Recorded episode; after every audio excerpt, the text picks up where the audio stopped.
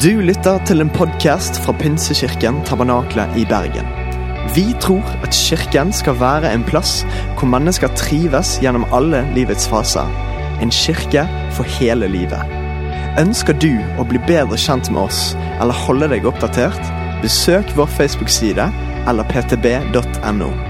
Her er ukens tale. alle sammen. Så utrolig kjipt av meg å skulle avbryte alle de gode samtalene som startet. Men de har jo muligheten til å fortsette etterpå, så jeg tror det skal gå bra. Du, Før jeg gjør noe som helst, så har jeg lyst til å eh, poengtere det at i løpet av denne dagen så har det vært en gjeng som har stått opp sykt tidlig, vært med på gudstjenesten på formiddagen, vært med på gudstjenesten nå i kveld og gjort til rette sånn at vi kunne invitere inn. Det merker vi ekstra godt dager som dette, når det er sykt mange folk som er syke, så merker man hm, det er litt stress å ordne disse gudstjenestene. Så kanskje vi gjør en sånn Jeg vet det er noen av dere som tenker sånn Hater når folk ber meg å applaudere. Eh, Jeg syns ikke det er så gøy når jeg får beskjed om det, men nå er jeg den som gir beskjed. Da går det helt fint. Så kanskje vi gir en stor stor applaus til gjengen som har vært med i tjeneste og gjort i stand til denne kvelden.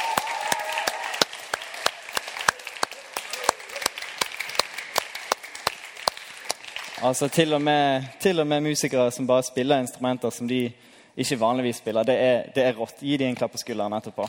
Det tenker jeg. Etterpå! Vi er ferdig med applausen nå. Ok. For de av dere som har vært der før, så har jeg lyst til å advare at dette blir en, en tale litt utenom det vanlige. Eh, og til de av dere som ikke har vært der før, så kan jeg betrygge at eh, til en vanlig søndag så er ikke det så oppstykket som det det kommer til å være nå. Men målet mitt er i dag å snakke om, om oss, om kirken i verden, og i dette tilfellet representert gjennom vår lokale kirke her i Bergen. Jeg skal snakke om det i tre deler. Den første er hvem er vi? Hvem er Kirken? Den andre er hva gjør vi som kirke? Og det tredje er hvordan vi organiserer det vi gjør, eller hvordan vi gjør det vi gjør. Og Mellom disse tre delene så kan du forvente å høre dikt eller bønn fra 1500-tallet. Ja, ja. Du kan forvente å høre en sang presentert fra YouTube. Ja. Og du kommer til å bli introdusert for det jeg eh, vil melde som en legende i vårt land. Kjenn litt på spenningen for det. Det kommer helt til slutt. Og til deg som tenkte når jeg sier dette, dette blir en lang kveld. Det stemmer. Jeg håper at du ikke har eksamen i morgen. Håper dette kommer til å gå bra. Eh, Men jeg lover å forsøke å holde meg kortfattet. for Målet mitt er ikke å gi deg liksom alt ferdig tygget, men at vi skal kunne gå herfra i kveld og tenke videre på det som jeg eh, opplever at Gud ber meg om å minne oss på. Så for deg som er og tror på Jesus, så har jeg lyst til å understreke jeg håper at du lar deg utfordre, og at du lar deg inspirere av Guds store plan som vi skal prate om i dag. Både i det store og langsiktige og i det nære og praktiske og hverdagslige. Og for deg som er her og, og, ikke tror, så har jeg først og fremst lyst til å si du er så enormt velkommen her. Jeg synes Det er helt herlig at du er her, og jeg håper egentlig at du òg lar deg utfordre litt og lar deg inspirere av, av, når vi skal snakke om Guds store plan, når vi skal snakke om disse folkene som vi kommer inn på, som har lagt ned så mye av sitt liv for å jobbe til Guds ære. At du lar deg inspirere og lar noen spørsmål vekkes i deg til hva er det som de har møtt på, som gjør at de velger å leve så annerledes liv. Men jeg har lyst til å starte det hele med å be. Så Herre, jeg ber om at du skal la din vilje skje de neste minuttene. Jeg ber om at du skal la meg få bli ledet av deg gjennom det jeg formidler. Og jeg ber om at du skal la hver av oss bli ledet av deg i hvordan vi hører det. Jeg ber om at du skal treffe oss med de sannhetene fra deg som, som du ønsker at vi skal høre. Og jeg takker deg, Herre, for at de sannhetene er pakket inn i en nydelig og god nåde som løfter oss opp og ikke trykker oss ned. La det være sånn, Herre, at vi har større forståelse for hvem du er, at vi har sett mer av hvem du er når vi går ut herfra i kveld, enn vi hadde før vi kom inn. Amen. Ok, er dere klare? Ja. I mars så skal vi bruke flere uker på å dykke inn i den første boken i Bibelen sammen. Og fordi at jeg jobba litt med forberedelsene til det, så tenkte jeg vi må ha en liten sånn sniktitt i dag. Eh, og det hører med når vi skal snakke om det store bildet. så er det liksom, Vi må faktisk begynne i Første Mosebok. Og bare del én så er vi innom alt fra Første Mosebok til Johannes' åpenbaring, siste boken i, i, Bibelen. Så igjen, hvis du tenker at dette blir en lang kveld, ja, det blir det. Ok, Men vi begynner å lese. Fra første Mosebok, kapittel 1, 26, så står det Gud sa, la oss lage mennesker i vårt bilde, så de ligner oss. De skal råde over fiskene i havet og fuglene under himmelen, over feet og alle ville dyr og alt krypet som det kryr av på jorden. Og Gud skapte mennesket i sitt bilde. I Guds bilde skapte han det. Som mann og kvinne skapte han dem. Gud velsignet dem og sa til dem, vær fruktbare og bli mange. Fyll jorden og legg den under dere. Dere skal råde over fiskene i havet og over fuglene under himmelen og over alle dyr som det kryr av på jorden. Og Gud sa, se, jeg gir dere alle planter som setter frø, alle som finnes på hele jorden, og alle trær som bærer frukt med frø i, det skal dere ha å spise. Og til alle dyr på jorden, og til alle fugler under himmelen, og til alt som kryper på jorden, alt som har livsånde i seg, gir jeg alle grønne planter å spise. Og det ble slik. Gud så på alt det han hadde gjort, og se, det var svært godt. Og det ble kveld, og det ble morgen sjette dag. Vi skal fortsette å prate litt om arbeid i løpet av denne kvelden, men fordi at vi skal snakke så mye om arbeid, så må jeg ta med disse tre neste versene også. Så var, det, var himmelen og jorden fullført med hele sin hær. Den sjuende dagen fullførte Gud det arbeidet han hadde gjort, og den sjuende dagen hvilte han fra hele det arbeidet han hadde gjort. Gud velsignet den syvende dagen og helliget den, for den dagen hvilte han fra hele sitt arbeid, det som Gud hadde gjort da han skapte. For deg som har litt høye tanker om deg selv, så kan du huske det at Gud skaper, allmektige Gud, han hvilte. Så når vi skal snakke mye om arbeid utover denne kvelden, så kan du fortsatt tenke det. Vi har òg behov for å hvile. Men det må vi prate mer om en annen gang, for nå skal vi snakke om arbeid. Ok. Det er veldig mye vi kan bite oss fast i i denne teksten. og som sagt så skal vi dykke mer inn i det i, løpet av mars. Men for i dag så har jeg lyst til å fokusere på tre viktige punkter eh, i, i, del én her. Det første punktet er at vi ser gjennom denne fortellingen at det skapte, det er sykt bra. i oppramsingen av hva Gud skaper, hvert element i universet, så sier han, ser vi, han skapte det, og så sier han det var godt. Og så kommer han til mennesket som kronjuvelen på skaperverket og sier det var svært godt. Vi leser til og med at vi er skapt i Guds bilde, og i det så er det jo enorme implikasjoner på vår enorme verdi som mennesker. Fordi vi er skapt i bildet av den allmektige skaper. Men så i neste sving, så, i det vi kaller syndefallet så leser vi fortellingen om hvordan vi gikk fra dette perfekte bildet av, av, av, en hage eller begynnelsen på skapelsen, der mennesket levde i harmoni med Gud, og ting var flott. Og så er neste svingen i syndefallet der, der vi gjør et opprør mot Guds vilje. Der det skjer noe med den harmonien som gjør at ting rokkes ved. Og Fortellingen går sånn at det er en slange som lurer Adam og Eva, de første menneskene, til å, til å bryte med Guds vilje ved å spise av et tre midt i hagen. Og så leser vi konsekvensene av det her i, vers, i kapittel 3. Da sa Herren Gud til slangen.: Forbannet er du, utstøtt fra alt fe og alle ville dyr fordi du gjorde dette. På buken skal du krype, og støv skal du spise alle dine levedager. Jeg vil sette fiendskap mellom deg og kvinnen, mellom din ett og hennes ett. Den skal ramme ditt hode, men du skal ramme dens hæl. Til kvinnen sa han, Tungt vil jeg gjøre ditt strev når du er med barn. Med smerte skal du føde. Du skal begjære din mann, og han skal herske over deg. Og til mannen sa han, fordi du hørte på kvinnen og spiste av treet som jeg forbød deg å spise av, er jorden forbannet for din skyld. Med strev skal du nære deg av den alle dine levedager.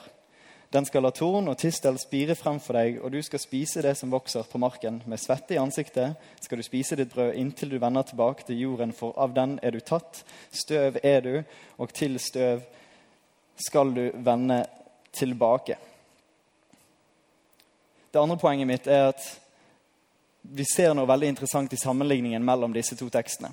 Vi, vi får først et bilde av hva den perfekte skapelsen er når alt er sånn som Gud tenkte det, når det er harmoni mellom Gud og menneske, og vi lever i et fellesskap sammen. Og så ser vi denne vendingen i det vi velger Gud vekk og velger oss mot hans vilje. Men det jeg syns er veldig interessant her når det kommer til arbeid, som vi skal snakke litt om i dag, det er at allerede før syndefallet, allerede i bildet av det perfekte, i starten av skapelsen, så leser vi om arbeid.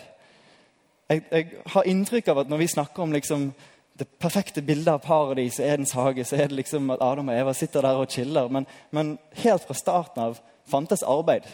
Det var ikke en kreasjon som kom som et resultat av syndefallet. Men i konsekvensen av syndefallet så blir arbeidet tungt, og det blir smertefullt, og det blir strevsomt. Men arbeidet var der allerede. Faktisk så var det jo sånn at vi blir invitert med som medarbeiderne til Gud. Vi blir satt til å råde over jorden. Vi blir kalt til å forvalte, til å kultivere alle de råstoffene som blir gjort tilgjengelig, til å være med å skape. Vi er jo skapt av en skapende Gud i hans bilde, med muligheten da til å være med å skape, vi også. Arbeidet fantes allerede. Det ble bare tyngre som en konsekvens av syndefallet. Så la oss ha det litt i bakhodet mens vi fortsetter. Men siden jeg leser en så kjip tekst som syndefallfortellingen, så, så må vi gå til et tredje punkt her. at Allerede før Gud er ferdig med å formidle konsekvensene av syndefallet, så ser vi et glimt av en frelsesplan. Altså en, en redningsplan som skal bringe skapelsen tilbake til dens tiltenkte harmoni. Når Gud sier til slangen 'den skal ramme ditt hode, men du skal ramme dens hæl', altså så sier han til slangen 'du skal være til irritasjon', men så sier han om redningen 'den skal knuse deg'. Allerede før han kommer til konsekvensene til menneskene en gang, så sier han 'jeg kommer til å fikse dette'. Fra det startskuddet og videre så ser vi Guds frelsesplan er iverksatt. Tanken om en redning fortsetter og fortsetter og fortsetter, og det profeteres, og det håpes, og det ventes. Og man ser frem imot at en redning skal komme og gjenopprette til det som Gud skapte oss til å være i. Og så på en måte som ingen hadde forventet, så kommer Jesus til jorden. Gud selv blir menneske og kommer med budskapet. Guds rike er kommet nær. Det som vi ble skapt til å være i, til å leve i, til å ta del i, er kommet midt iblant oss. Og så demonstrerer Jesus Guds rike for oss idet han går rundt i verden og skaper sånne små lommer av, av en smakebit av hvordan himmelen kommer til å se ut. Og han stadfester dens uunngåelige progresjon når han dør på korset, men står opp igjen fra døden og viser tydelig, klart og tydelig at til og med døden klarer ikke å holde Jesus tilbake. Til og med døden klarer ikke å stoppe Guds rike fra å skulle vokse frem. Og Vi ser det allerede nå Allerede nå så ser man Guds rike vokse iblant oss. Allerede nå så har vi fått beskjed om at blant oss så kan vi smake Guds rike. Vi kan se glimten av at det er iblant oss. Men vi venter fortsatt på noe mer likevel. Og I Johannes' åpenbaring så, så, leser vi, og det er en apokalypse, og det må leses eh, i, i, det formatet. Men Johannes får en visjon, og han skriver det ned, og så leser vi fra kapittel 21. Og jeg så en ny himmel og en ny jord. For den første himmel og den første jord var borte, og havet fantes ikke mer. Og jeg så den hellige byen, det nye Jerusalem, stige ned fra himmelen, fra Gud, gjort i stand og pyntet som en brud for sin brudgom. Og jeg hørte fra tronen en høy røst som sa, Se, Guds bolig er hos menneskene.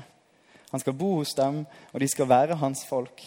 Og Gud selv skal være hos dem, han skal være deres Gud. Han skal tørke bort hver tåre fra deres øyne, og døden skal ikke være mer. Heller ikke sorg eller skrik eller smerte, for det som en gang var, er borte. Så mens vi fortsatt kjenner preget av fallet iblant oss nå, så kan vi likevel se en smak av himmelen. Men så samtidig så har vi dette bildet, den nye skapelsen, å se frem imot. Vi, vi står midt i en sånn type spenning, og så er det fortsatt noe vi lengter etter. Så det hele leder til dette poenget ut fra første del. Hvem er vi? Hvem er Kirken oppi dette? Og da har jeg laget en nydelig tidslinje på PowerPoint, fordi jeg kan ingenting annet enn PowerPoint. Der vi starter med skapelsen og får et bilde av hvordan det var tiltenkt, hvordan det var tenkt til å være, og fallet rokker ved det og ødelegger harmonien i det. Men inn i det bildet kommer Jesus, viser oss Guds rike er iblant oss. Guds rike kan vi se og kjenne og smake og få en liten pekepinn på allerede nå mens vi venter på at noe skal komme. Og Så er liksom kirken der midt mellom fallet og den nye skapelsen og kjenner på den spenningen av preget av den falne verden, men smaken av den nye skapelsen. Og vi lengter frem mot det som skal komme. Kirken da er forsamlingen, det er folket som samles i tro på Jesus. og sendes ut. Som far har sendt meg, sier Jesus, så sender jeg dere til å etablere Guds rike. Til å gå rundt og melde at Guds rike er kommet nær. Allerede nå, mens vi ser frem mot det som skal komme. Og for å kunne stå i det, og for at Kirken skal kunne være et sånt folk som går rundt og, og sier her er Guds fred, og etablerer det og kultiverer det og jobber for det, sånn som vi allerede ble kalt til å jobbe før syndefallet skjedde, så trenger vi å ha blikket festet på Jesus. Og jeg tror vi trenger å ha blikket festet på det som kommer i andre enden av tidslinjen. Det løftet som vi har å holde fast på. Og jeg synes at Sir Francis Drake, en, en sjømann fra 1500-tallet, han erkjenner ved et, et, dikt som han har skrevet, en type bønn, at nettopp dette kan være litt vanskelig. Og i denne bønnen og i dette språket så er det et så ekte og tydelig språk synes jeg, som, som forteller liksom Dette trenger du å hjelpe oss med, Herre.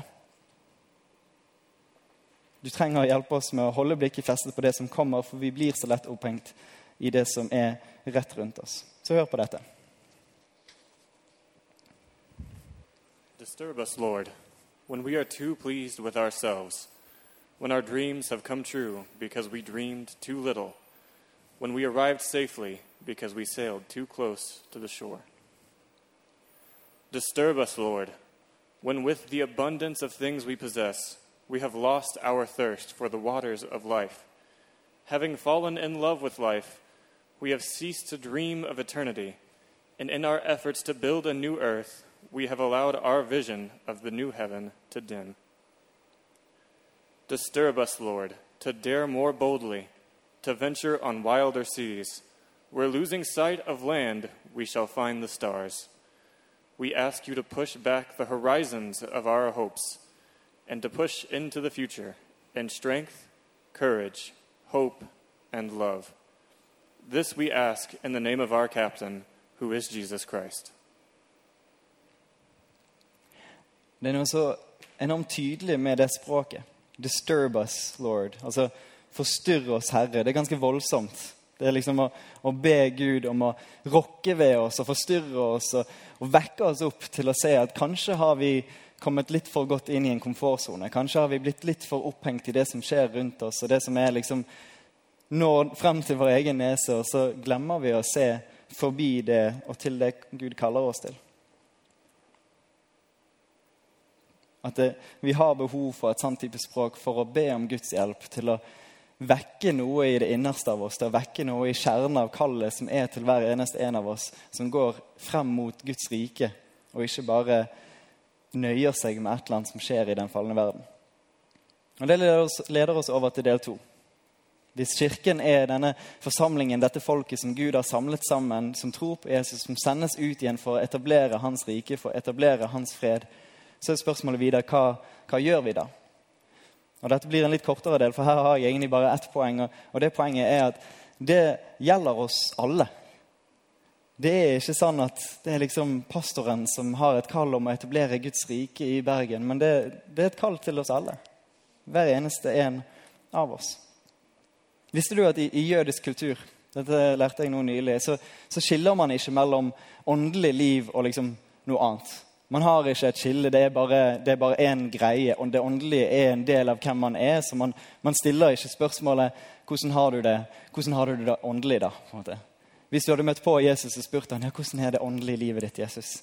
Så hadde han sannsynligvis bare sett på deg og tenkt sånn 'Mener du livet mitt?' For det er ikke noe skille på det. Vi har det litt mer i språket. Jeg vet ikke hvor vanlig det er for deg å gå rundt og spørre 'Hvordan har du det sånn åndelig?' da? Men men det ligger litt i språket vårt å skille ting. fordi det er litt lettere for oss å forstå, kanskje. Men det er egentlig en nyere tenkning. Det er preget av gresk tenkning, og det preger oss. Og noe av ulempen med det er at, og kanskje det mest uheldige vi har gjort med det i kirken, er at det har skapt et sånt skille mellom det sekulære og det hellige. Når vi tenker på en måte at her borte er det hellige, her, her ber vi, her leser vi i Bibelen, her snakker vi med Gud, her, her skriver vi taler og snakker om Jesus med folk. Og så, og så, går vi bort her i den sekulære sfæren og jobber som IT-konsulent og forbereder undervisning fordi vi er lærere. eller et eller annet sånt. Så danner vi et sånt skille om at vi har det hellige greiene, og så har vi det sekulære. Men det er jo utrolig uheldig hvis det er sånn at liksom, dette er et nødvendig onde som vi er nødt til å gjøre før vi kan gå bort og tjene Gud og bygge Hans rike i det hellige. Det er, et, det er et uheldig skille som har blitt skapt. For Problemet med et sånt skille det er at det får oss til å tro at vi ikke bygger Guds rike med mindre vi er der borte. Det får oss til å tenke at jeg bygger ikke Guds rike når jeg sitter der og jobber som IT-konsulent. Men realiteten er jo at Mac-en som jeg skrev denne talen på, trengte jeg jo at noen skulle bygge. Eller jeg kunne skrevet det på et ark. Men hvem skulle lagd arket hvis de, alle skulle bare gjøre hellige ting? sant? Vi danner et sånt skille som ender opp med å diskvalifisere oss og får oss til å tenke feil rundt hva det er å bygge Guds rike. Kirken er ikke målet.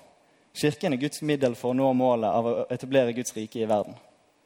Så hvis alt det hellige skal være noe som har direkte med Kirken å gjøre, så, så tror jeg vi bommer sykt mye på hva Gud egentlig har lyst til å få til i din hverdag, i møte med folkene som du møter på.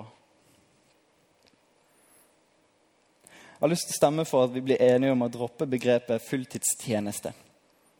Det er et begrep man ofte har brukt om, om de som jobber i kirke, eller om den som er misjonær, eller et eller annet sånt, som om det er da man er i tjeneste. At det er da man bygger Guds rike. Og så har man læreren som på en måte er i, ubetydelig tjeneste, og bortsett fra den timen han klarer å være med i tjeneste på en søndag, f.eks. Men vi er jo alle kalt til fulltids, fulltidstjeneste. Vi har jo alle et kall om å etablere og kultivere Guds rike iblant oss i vår hverdag, der vi er i møte med de folkene som vi omgås med. Vårt kall, alle sammen, er å kultivere Guds fred iblant oss. I retning av en ny skapelse, merket av Guds rikes verdier, og med lukten av Jesus og hans tilgivende nåde og kjærlige omsorg og sannhet. Jeg klarer ikke å understreke det nok. Det, det skillet vi har skapt mellom det hellige og sekulære, det, det, må vi bryte ned og dra sammen igjen. For vi er alle kalt til en fulltidstjeneste, til å bygge Guds rike der hvor vi er. Og til det så tror jeg vi kan la oss inspirere av, av karakterer som, som William Wilberforce. Han var en politiker, britisk politiker på 1700-tallet som når han møtte Jesus, kjempet med valget om han skulle fortsette å være politiker i denne sekulære sfæren, eller om han skulle bli en, en pastor eller gjøre noe mer hellig ut av livet sitt. Og Heldigvis vil jeg tørre å påstå, så fikk han god veiledning fra noen som ledet han til å tenke kanskje det jeg gjør i politikken, kan være like så hellig. Så ender det opp med William Wilberforce er en av de viktigste rollene i å avskaffe datidens slavehandel. Mor Teresa en albansk nonne som, som etter en kallsopplevelse som tolvåring bestemmer seg for å gi sitt liv, vie sitt liv for å hjelpe fattige. Ikke en pastor, ikke en misjonær nødvendigvis, men, men, velger å vie sitt liv for å hjelpe fattige. Og jeg vil påstå i aller sterkeste grad at det må jo være å bygge Guds rike og etablere Guds fred der hvor hun var. Martin Luther King jr., som, som, preget av en overbevisning om hva Guds rike må se ut som, valger å stå i kampen for menneskerettigheter.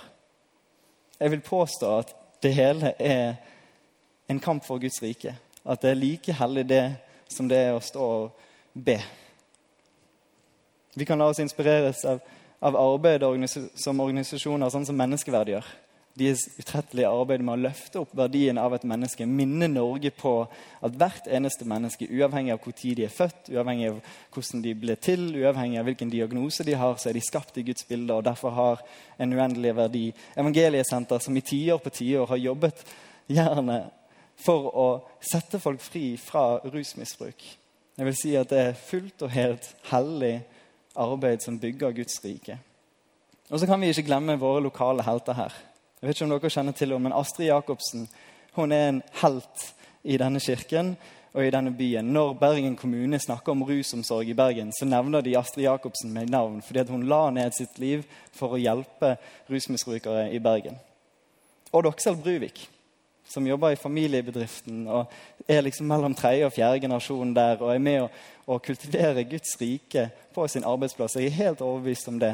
I å skape og vise Guds fred gjennom måten han jobber. Ruth Miriam som møter utsatt ungdom med et glimt av Jesus i blikket. Torstein som jobber beinhardt som lege for å se folk få en bedre hverdag. Kristin på Haukeland som stadig ber for alle de ansatte rundt henne. Roald som møter elever i klasserommet med Guds nåde og stødighet. Og Natalie som svarer enormt mange sykt frustrerte folk som ringer til koronatelefonen og ikke vet hva de skal gjøre. Og hun møter dem bare med omsorg. Jeg vil si at det er å bygge Guds rike.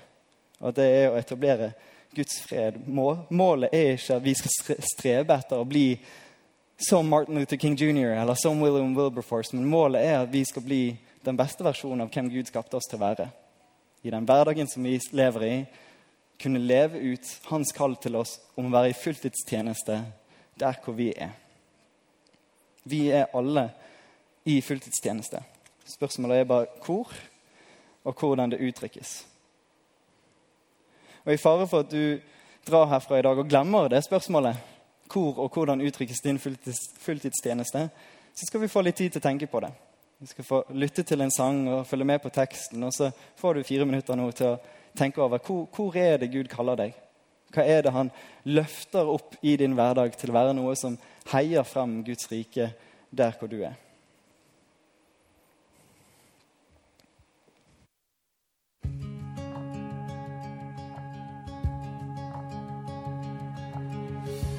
I could just sit, I could just sit and wait for all your goodness. Hope to feel your presence. And I could just stay, I could just stay right where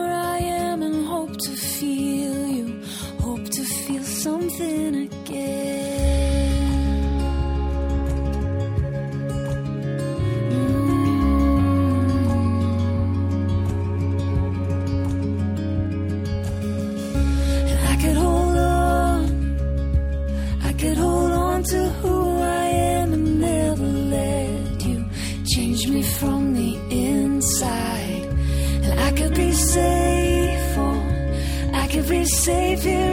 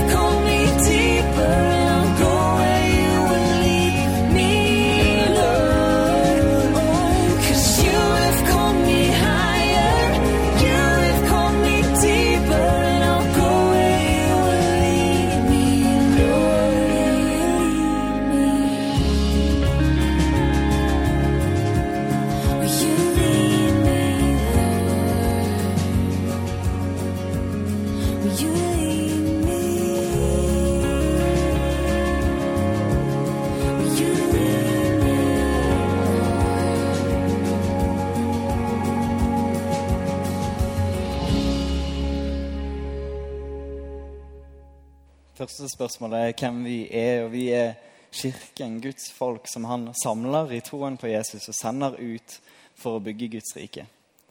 Hva vi gjør, er at vi er verdens lys. Jesus sender oss ut for å være hans lys, for å være en smak av himmelen i møte med de som møter på oss i vår hverdag. Ikke bare den som jobber i kirken, ikke bare misjonæren, ikke bare de øyeblikkene vi er her, men med hele våre liv, i hele vår hverdag. Og I denne siste delen så har jeg lyst til å gå ekstremt praktisk til verks og stille spørsmålet hvordan organiserer vi da det som vi gjør. For det er ikke sånn at, at vi alle er arbeidstakere, og hovedpastor Benjamin er arbeidsgiveren som sender oss ut til å bygge Guds rike på den eller den måten. Nei, jeg, har heller inntrykk av at det er Gud som kaller oss personlig og sender oss ut i våre hverdager. Så hva er Kirken da inni det? Hvis, hvis, det ikke er sånn at pastoren er arbeidsgiveren eller oppdragssenderen, men, men, kanskje det er sånn at kirken, den lokale kirken, forsamlingen som vi er her nå, er liksom den, den huben, det, det, stedet vi kan samles, begeistre oss sammen over hva Gud har gjort for oss, begeistre oss sammen over det som skjer i vår hverdag, stå støtt sammen når, når sorgen trenger på, og kunne minnes hvem Jesus er, for så å sendes ut igjen, oppmuntret, oppbygget, til å fortsette å være verdens lys.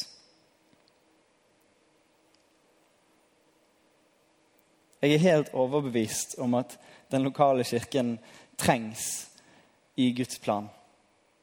Fordi at den lokale kirken kan invitere inn og kan sende ut og kan være med å skape noe nytt.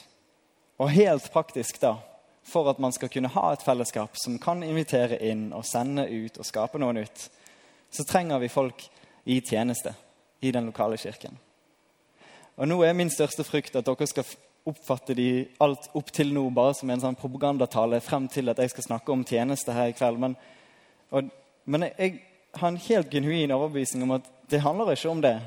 Men en genuin overbevisning om at vi er Kirken, Guds folk som er samlet og sendt ut. Det vi gjør, er at vi er verdenslys, og måten vi kan gjøre det, måten vi kan stå sammen for å være det fellesskapet, er ved å ha en lokal kirke. Et fellesskap som kan invitere inn, sende ut og skape noe nytt. Og for at det skal skje, så er vi helt avhengig av at vi står sammen om det. Det er min overbevisning. Og helt ærlig så, så tror jeg at pandemien har hatt sine konsekvenser på vårt fellesskap og på fellesskap som oss over hele verden, og til og med på alle andre fellesskap og organisasjoner og frivillighet av alle slag, så, så virker det som at kollektivt så har vi hatt et setback. Helt enkelt praktisk sett så har man ikke kunnet samles. Vi har ikke kunnet gjort ting sånn som vi pleier å gjøre ting. Det er et setback, og vi trenger et comeback ut ifra det. Og så tror jeg òg at vi har en individuell konsekvens av det. Jeg, jeg vet ikke med deg, men jeg, jeg, merker det at den bønnen til Sir Francis Drake den, den, treffer meg dypere nå enn den gjorde for to og et halvt år siden. For jeg merker at i løpet av de siste to årene så har jeg liksom blitt mer komfortabel med mindre ting som skjer. Jeg har blitt mer komfortabel med at jeg bare gir litt opp, eller eller bare blir liksom fornøyd med at ja, jeg får bare passe på mitt eget og overleve denne forferdelige pandemien. Eller, eller, hva det skal være. Og så virker det som at det kanskje er tilfellet for mange. Og man har sett at et engasjement har sunket. Og helt praktisk så trenger vi et comeback. Jeg har, jeg har lyst til å melde tre begrunnelser for hvorfor tjeneste er viktig. Og så har jeg lyst til å melde et par begrunnelser, eller typiske hinder for det. Eh, og så har jeg lyst til at du skal få lov til å tenke videre på det. Men de tre grunnene jeg tenker at dette er viktig, er først og fremst at for å ha et fellesskap, en lokalkirke som kan invitere inn, sende ut og være med å skape, så er det jo helt nødvendig å ha noen som legger til rette for det. Det kommer ikke til å funke uten folk i tjeneste. Det kommer ikke til å funke uten at vi står sammen om det. Så først og fremst så er det bare at det trengs. Den neste grunnen det handler litt om, om hva det gjør med deg, og hva det gjør med meg, og hva det gjør med vårt mindset i det. For jeg merker at det å være plassert i et fellesskap som dette hjelper meg å tenke forbi meg selv. Det hjelper meg å se forbi min egen nese. Det, det, tvinger meg når jeg er i et fellesskap som hele tiden snakker om hvordan kan vi tjene, hvordan kan vi nå ut til neste generasjon, hvordan kan vi nå ut til folkene rundt oss, hvordan kan vi bety en forskjell, hvordan kan vi være verdens lys. Så hjelper det meg å være i det mindsetet selv. Istedenfor at jeg skal liksom jobbe med meg selv hver eneste morgen når jeg står opp. Sånn, ja, ja, jeg skal være en forskjell. Men jeg forstår et fellesskap som backer meg i det. Og tredje grunnen til at jeg tror at det er viktig, er fordi at i tillegg til å hjelpe meg med mindsettet, så, så trener det meg i tjeneste. Jeg vet at det er lettere for meg å være til nytte for folk og, og ha et tjenende hjerte fordi at jeg trenes på det uke etter uke når jeg står sammen med dere i dette fellesskapet. Og så tror jeg et typisk hinder er først og fremst at man tenker liksom jeg jeg har nok med mitt eget. Og det tror jeg de færreste av oss her inne tenker sånn på en kjip måte. Men det er bare, vi faller til ro med det. Vi, vi kommer inn i en sånn komfortsone at jeg, jeg, har nok med dette. Jeg, jeg, trenger ikke å engasjere meg i noe annet. Og jeg, jeg tror det er en av grunnene til at vi trenger å ta det steget ut av komfortsonen og være i tjeneste for å tvinges til å se ja, men her er det så mange jeg kan være til nytte for. Jeg husker når vi startet denne kveldsgudstjenesten, så var det en god gjeng av lederteamet for det som da var ungdomsarbeidet, som gikk ut av ungdomsarbeidet, begynte å henge med voksne mennesker som deg selv. Og så husker jeg at meg og en som heter Ole Kristian så det, og så at liksom over natten så virket det som at de ble ti år eldre. Plutselig, når de ikke var på ungdomsmøte, så var det sånn her, de var så kule plutselig. var så voksne. Og, og vi tenkte det skal ikke skje med oss. Og så For ett og et halvt år siden jeg gikk inn i dette arbeidet for unge voksne, så, så, merket jeg det samme. Plutselig ble det enormt slitsomt å være på et ungdomsmøte. Plutselig ble det sånn at jeg, jeg tenkte sånn, ah, men jeg, jeg, har nok med disse, disse, her. Jeg har nok med det engasjementet jeg er en del av. Og så merka jeg et par uker siden når jeg for første gang på lenge var tilbake på ungdomsmøtet, at jeg ble så inspirert. Og jeg ble så giret. og jeg ble så takknemlig og begeistret over å se det arbeidet som skjer for å nå ut til neste generasjon. Og jeg unner hver eneste en av dere å være innom et ungdomsmøte for å se og la hjertet ditt bli preget av det å se folk i tjeneste for å fortelle noen andre om Jesus. Og Poenget med det er ikke at liksom vi er de som bare sitter for egen nese, men, men, jeg merket det så enkelt i mitt eget liv. At jeg kommer inn i en sånn komfortsone der jeg glemmer at ja, her er det flere jeg kan nå ut til. Her er det noen jeg kan bety en forskjell for. Det andre hinderet er kanskje at man tenker det er for voldsomt. Eh, jeg snakket med noen som det var en annen kirke enn denne, som bare slapp helt av. Han, eh, han kunne spille noen instrumenter og kunne gjerne være med i lovsangssalen, men, men, han kjente noen som var i et lovsangsteam, og så sa han at men de er sånne fanatikere som holder på med lovsang hver eneste uke. så spiller de. Og så tenkte han det har ikke han lyst til å være en del av. Og det kan jeg jo forstå, hvis du ikke er så giret på det. Men, men, men, to ting, da. Først og fremst, det er jo en ond sirkel. For Hvis det lovsangsteamet ikke får flere folk inn i lovsangsteamet, så kommer de til å jobbe mer og mer, og mer, og du kommer til å se dem uke etter uke etter uke. Og så, og, så, og så, gjør jo det at man ser dem hele veien, og så får ikke man lyst til å være med dem, og så blir det en sånn ond sirkel. Skjønner du hva jeg mener? Jeg mistet tråden selv, men håper du, håper du tar det. Men kanskje vi være et sånt fellesskap der vi kan bare tjene med det vi kan, da? Istedenfor at det skal være en sånn terskel der du må være her ukentlig for at du skal kunne være med og bety en forskjell. Det er jo ikke sånn det funker. Du kan jo tjene med det overskuddet du har. Du kan tjene med det du velger å, ofre inn i det. Det kan, trenger ikke være sånn at hver eneste uke må du være her. Men jeg tror at det er sunt for deg å være her hver åttende uke hvis det er det du har mulighet til. For jeg tror at det er sunt for deg å plassere deg i en sånn posisjon av at jeg, jeg ønsker å tjene. Jeg ønsker å bidra inn i dette fellesskapet som jeg er en del av. Jeg ønsker å bety en forskjell, og jeg ønsker å utfordre meg selv i det mindsettet. Og Da må vi være ærlige på at vi går gjennom ulike faser av livet. Jeg merket for meg selv at når jeg gikk fra å være student til å jobbe 100% så hadde jeg mindre fritid, jeg hadde mindre fleksibilitet, og jeg merka at det koster mer å tjene.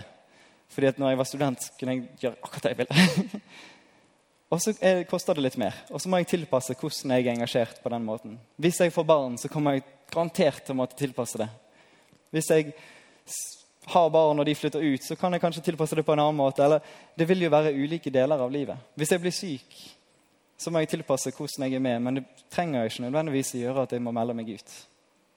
Hvis du er syk, hvis det er noe som hindrer deg for å kunne være med i tjeneste på en praktisk måte, send meg en melding.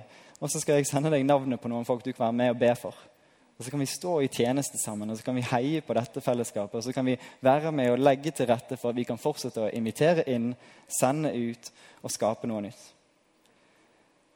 I Det gamle testamentet så er det en historie om Moses som, som inviterer til å gi en tiende eller gi en, gi en gave for å bygge det nye tempelet.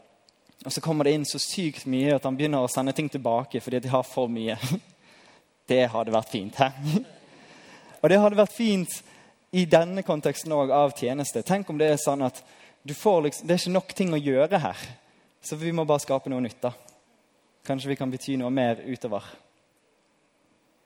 Det hadde vært kult. Tredje hinderet er kanskje at du tenker jeg har ikke kompetansen. Men her er det så nydelig fordi vi kan gå sammen. Vi kan lære nye ting. Det er, så, synes, det er noe av det vakreste jeg ser, er når man gjennom tjeneste her i kirken har funnet ut liksom, ja, dette kan jeg jo gjøre i hverdagen min òg. Og så man blitt trent på noe som man kan være med og jobbe i seinere. Jeg synes det er så kult å se når man gjennom tjeneste finner ut at her er noe Gud har lagt på mitt hjerte. Her er noe jeg kan bidra inn i. Og så kan vi være et miljø som trener hverandre, heier på hverandre og lærer hverandre nye ting. Veldig praktisk. Går det bra? Etter gudstjenesten i dag så blir det mulighet nede i katedralen til å prate litt med teamledere for forskjellige team. Og det blir mulighet til å snakke litt om team som ikke eksisterer ennå. Wow, hvordan skal vi gjøre det? Jeg vet ikke. La oss prate om det nede etterpå. Men det er helt enkelt fordi at jeg er så overbevist om at hvis vi er Kirken, samlet av Jesus og sendt ut, Kirken som skal være verdens lys, så trenger vi å være en sterk lokalkirke, et sterkt fellesskap som heier på hverandre, backer hverandre, bygger hverandre opp, minner hverandre om Guds sannheter, minner hverandre om Guds nåde når vi samles, for å kunne sende oss ut med oppmuntring til å være verdens lys i vår hverdag. Og for å gjøre det så er det ikke hovedpastor som skal sende oss ut som arbeidstakere. Nei, vi er faktisk medarbeiderne til Jesus. Og det er noe enormt vakkert i det. Han kaller oss ikke hans arbeidere, men vi får gå sammen med han som om, vi, som om vi var hans kolleger. Jeg tror ikke det trenger å være enten-eller. At enten velger vi å være i det sekulære eller det hellige. Jeg tror vi kan leve i begge deler hele veien. Jeg tror vi kan stå og tjene Gud og ære Han gjennom å bygge en Mac, hvis det er det du skal gjøre. Jeg merker at jeg har ikke så gode eksempler, så jeg repeterer liksom den hele veien. Eller det kan være som lærer. Eller det kan være som søppelhentetømmer-ting. Eller som advokat. Eller hva enn det skulle være. At vi kan ære Gud i den hverdagen vi har. Og jeg tror at i den grad vi har mulighet, så er det så sunt og så godt for oss å plassere oss i et fellesskap der vi velger å tjene i tillegg. Så Jeg har lyst til å avslutte med å vise frem denne juvelen av et menneske som jeg lovte i sted. En, en oppadstormende legende som heter Gunn. Og På en eh, ledersamling for, for pinsebevegelsen i Norge så inspirerte hun oss alle der, og jeg håper at hun kan være med og inspirere deg også.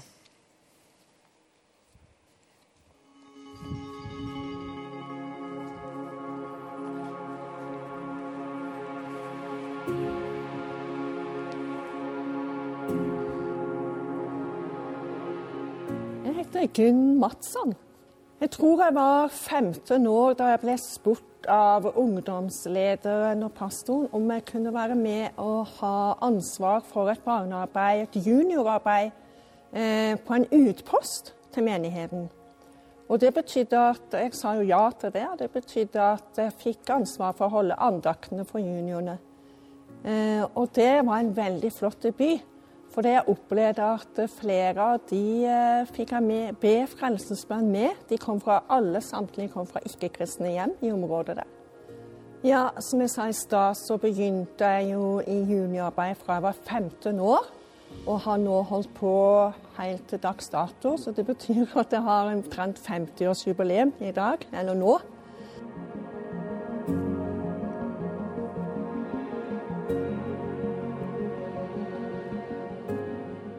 Jeg tenker at eh, Guds ord er helt tydelig på at eh, alle troende Guds barn har et kall til etterfølgelse og tjeneste. Eh, Men for meg så ble det en personlig opplevelse ved Da var jeg ganske ung. Jeg leste det som sto i Jesaja 6,8, hvor, hvor Gud sier 'Hvem skal jeg sende, og hvem vil gå for meg?' Og det ble en personlig utfordring til meg. Og jeg ga det gjensvaret som Jesaja ga. Jeg sa 'Jeg er her. Du kan sende meg'. Og eh, det ble samtidig en eh, sterk opplevelse av det at Gud har bruk for meg. Da må det være Da kan jeg bety noe Og det ble en, en, en sånn ansvarsbevissthet òg rundt det vi kaller. I tjenesten tenker jeg utgangspunktet er at Gud er trofast. Vi kan ikke tjene uten hans trofasthet. Og han er trofast mot sitt ord eh, og mot sine løfter. Og når han kaller oss til tjeneste, så tenker han å sørge for utrustningen. Eh, slik at eh, vi kan tjene med våre gaver og evner som Gud har gitt. Og det å stå ansvarlig for Gud en dag, tror jeg, i forhold til hvordan vi har forvalta denne utrustningen som han har gitt oss, det gir et perspektiv på i forhold til trofasthet, å være trofast mot Gud og mot det kallet, og i forhold til å tjene andre mennesker. Jeg er jo med og leder en husgruppe, det har jeg òg gjort i alle disse årene. Eh, her på Betel, ca. 20 år. Og eh, om jeg gjør det av samme årsak som at jeg driver barnearbeid, nemlig dette at denne eh, trangen til å være med og formidle Guds ord. Styrke de troende, hjelpe de til å stå fast i Guds ord. Og, og eh, være med å utruste de hellige, rett og slett, som Paulus sier. I disse årene så har vi fått være med og se at noen har blitt fast i troen. Det har vært eh, personer med i den gruppa eller de gruppene som ikke hadde noe avklart tro når de begynte, mens de i dag bekjenner seg som, som troende. Det er kjempestort og takknemlig. Og så vil jeg jo også si når det gjelder dette med arbeid i Guds rike og tjenester, sånn at eh, en grunn til at en kan holde, være utholdende i det, er det at en ikke står alene. En står alltid sammen med noen andre. Og jeg, har, jeg er så takknemlig for å være med i en menighet som hele tida eh, lederne og pastoren har backa opp, heia meg fram og støtta, sånn at jeg har opplevd aldri å stå alene. Og det tror jeg er noe av hemmeligheten med utholdenheten i tjenesten.